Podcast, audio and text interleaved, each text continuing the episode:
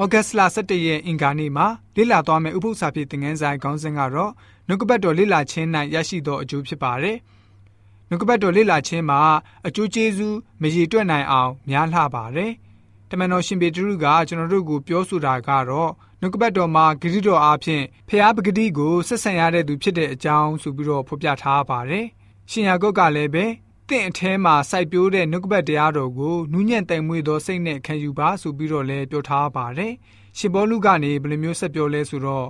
တမန်တော်ထုခန်းကြီး20ငယ်30နဲ့မှာတင်တို့ကိုတိဆောက်ခြင်းက၎င်းတန်ရှင်းသောသူအပေါင်းတို့နှင့်အတူတင်တို့အားအမွေပေးခြင်းက၎င်းတတ်နိုင်သောဖျားသခင်ဤဂျေစုတော်တရား၌လည်းတင်တို့ကိုငါအနံ့ဤဆိုပြီးတော့တွေ့ရပါတယ်။တမန်ကျမ်းစာမှာရွေးနှုတ်ခြင်းအကြံစီရှိပါတယ်။နှုတ်ကပတ်တော်မှာယေရှုရှင်ကို ရှာဖွေတွေ့ရှိနိုင်ပါတယ်။ကျွန်တော်တို့ရဲ့အသက်တာကိုလည်းပဲပြောင်းလဲပေးပါတယ်။နှုတ်ကပတ်တော်အားဖြင့်ဖျားရှင်ကိုမျှော်ကြည့်ခြင်းအားဖြင့်ဖျားရှင်နဲ့ကျွန်တော်တို့တူညီလာပါတယ်။ဝိညာဉ်တော်စာပေဖြစ်တဲ့ Ejikwa The Great Controversy စာမျက်နှာ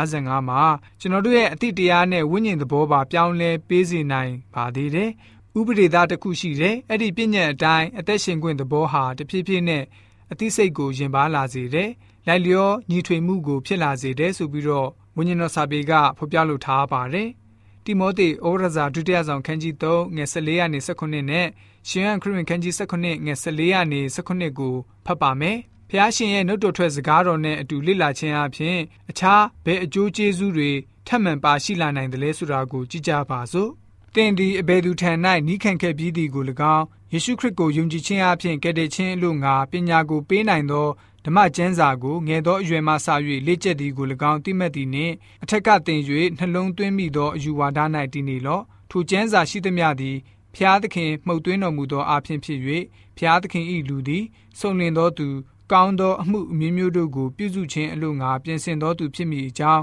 ဩဝါဒပေးခြင်းအပြစ်ကိုဖော်ပြခြင်းဖြောက်မတ်စွာပြုပြင်ခြင်းတရားကိုတွင်တင်ခြင်းကျေးဇူးများကိုပြုတတ်၏ ကိုတော်ဤနှုတ်ကပတ်တရားကိုဤသူတို့အားအကျွန်ုပ်ပေးပါပြီအကျွန်ုပ်သည်ဤလောကနှင့်မဆက်ဆံတကဲ့သို့ဤသူတို့သည်မဆက်ဆံသောကြောင့်လောကီသားတို့သည်ဤသူတို့ကိုမုန်းကြပါ၏ဤသူတို့ကိုဤလောကမှနှုတ်ယူတော်မူမည်အကြောင်းအကျွန်ုပ်တောင်းသည်မဟုတ်ပါမကောင်းသောအမှုအရာနှင့်ကင်းလွတ်စေခြင်းကဆောင်းမတော်မူမည်အကြောင်းကိုသာတောင်းပါ၏အကျွန်ုပ်သည်ဤလောကနှင့်မဆက်ဆံတကဲ့သို့ဤသူတို့သည်မဆက်ဆံကြပါကိုတော်ဤတမန်တရားအဖျင်သူတို့ကိုတန်ရှင်းစေတော်မူပါကိုတော်ဤနှုတ်ကပတ်သည် တမန်တရားဖြစ်ပါ၏ဆိုပြီးတော့ဖော်ပြထားပါတယ်။ရှင်ဘောလူဟာသူ့ရဲ့မိတ်ဆွေလှုပ်ဖို့ဆောင်ပဲဖြစ်တဲ့ငယ်ရွယ်တဲ့သူတိမောသေကိုစာရေးသားတိုက်တွန်းအားပေးခဲ့ပါတယ်။နှုတ်ကပတ်တော်အပေါ်တစ္ဆာရှိဖို့ဝိညာဉ်တော်မှုတ်သွင်းထားတဲ့နှုတ်ကပတ်တော်ကိုလေ့လာရင်းရရှိတဲ့အကျိုးကျေးဇူးကိုဝေငှဖို့မှာကြားထားပါတယ်။ရှင်ဘောလူရဲ့အဆိုအရတမန်ကျမ်းစာဟာဆိုရင်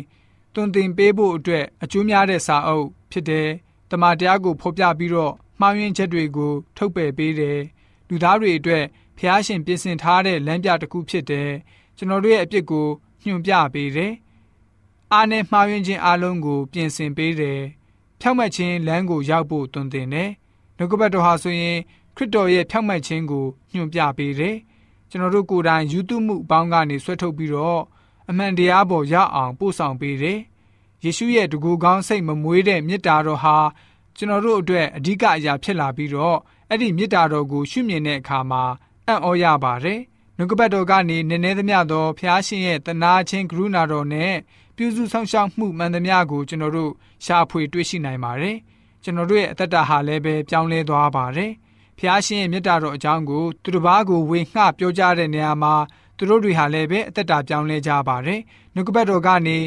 ဖျားရှင်ရဲ့စကားတော်တွေကိုကျွန်တော်တို့ဝေငှတက်တဲ့ခံတဲ့အခါမှာလဲသူတို့တွေဟာပြောင်းလဲခြင်းရှိကြပါတယ်။ဖျားရှင်နှုတ်တော်ထွက်စကားကနေယေရှုကိုကြည်ပါဖျားရှင်နဲ့ကျွန်တော်တို့ပို့ပြီးတော့တူလာမှာဖြစ်ပါတယ်တသက်ခံနေဆိုတဲ့နေရာမှာကျွန်တော်တို့တွေးထင်တဲ့အရာကျွန်တော်တို့ယုံကြည်တဲ့အရာကိုဝေငှခြင်းမျိုးမဟုတ်ပါဘူးထာဝရအမှန်တရားကိုထာဝရဘုရားရဲ့နှုတ်ကပတ်တော်မှာတွေ့ရှိရတဲ့အတိုင်းပြန်လည်တသက်ခံခြင်းဖြစ်ပါတယ်ဖျားရှင်ရဲ့နှုတ်ကပတ်တော်ဟာကျွန်တော်တို့ရဲ့အသက်တာကိုကောင်းကြီးအမှန်ဖြစ်စေတယ်ဆိုရင် အခြားသူတွေအတွက်ကိုလည်းပဲကောင်းကြီးဖြစ်စေဖို့ကျွန်တော်တို့ဟာ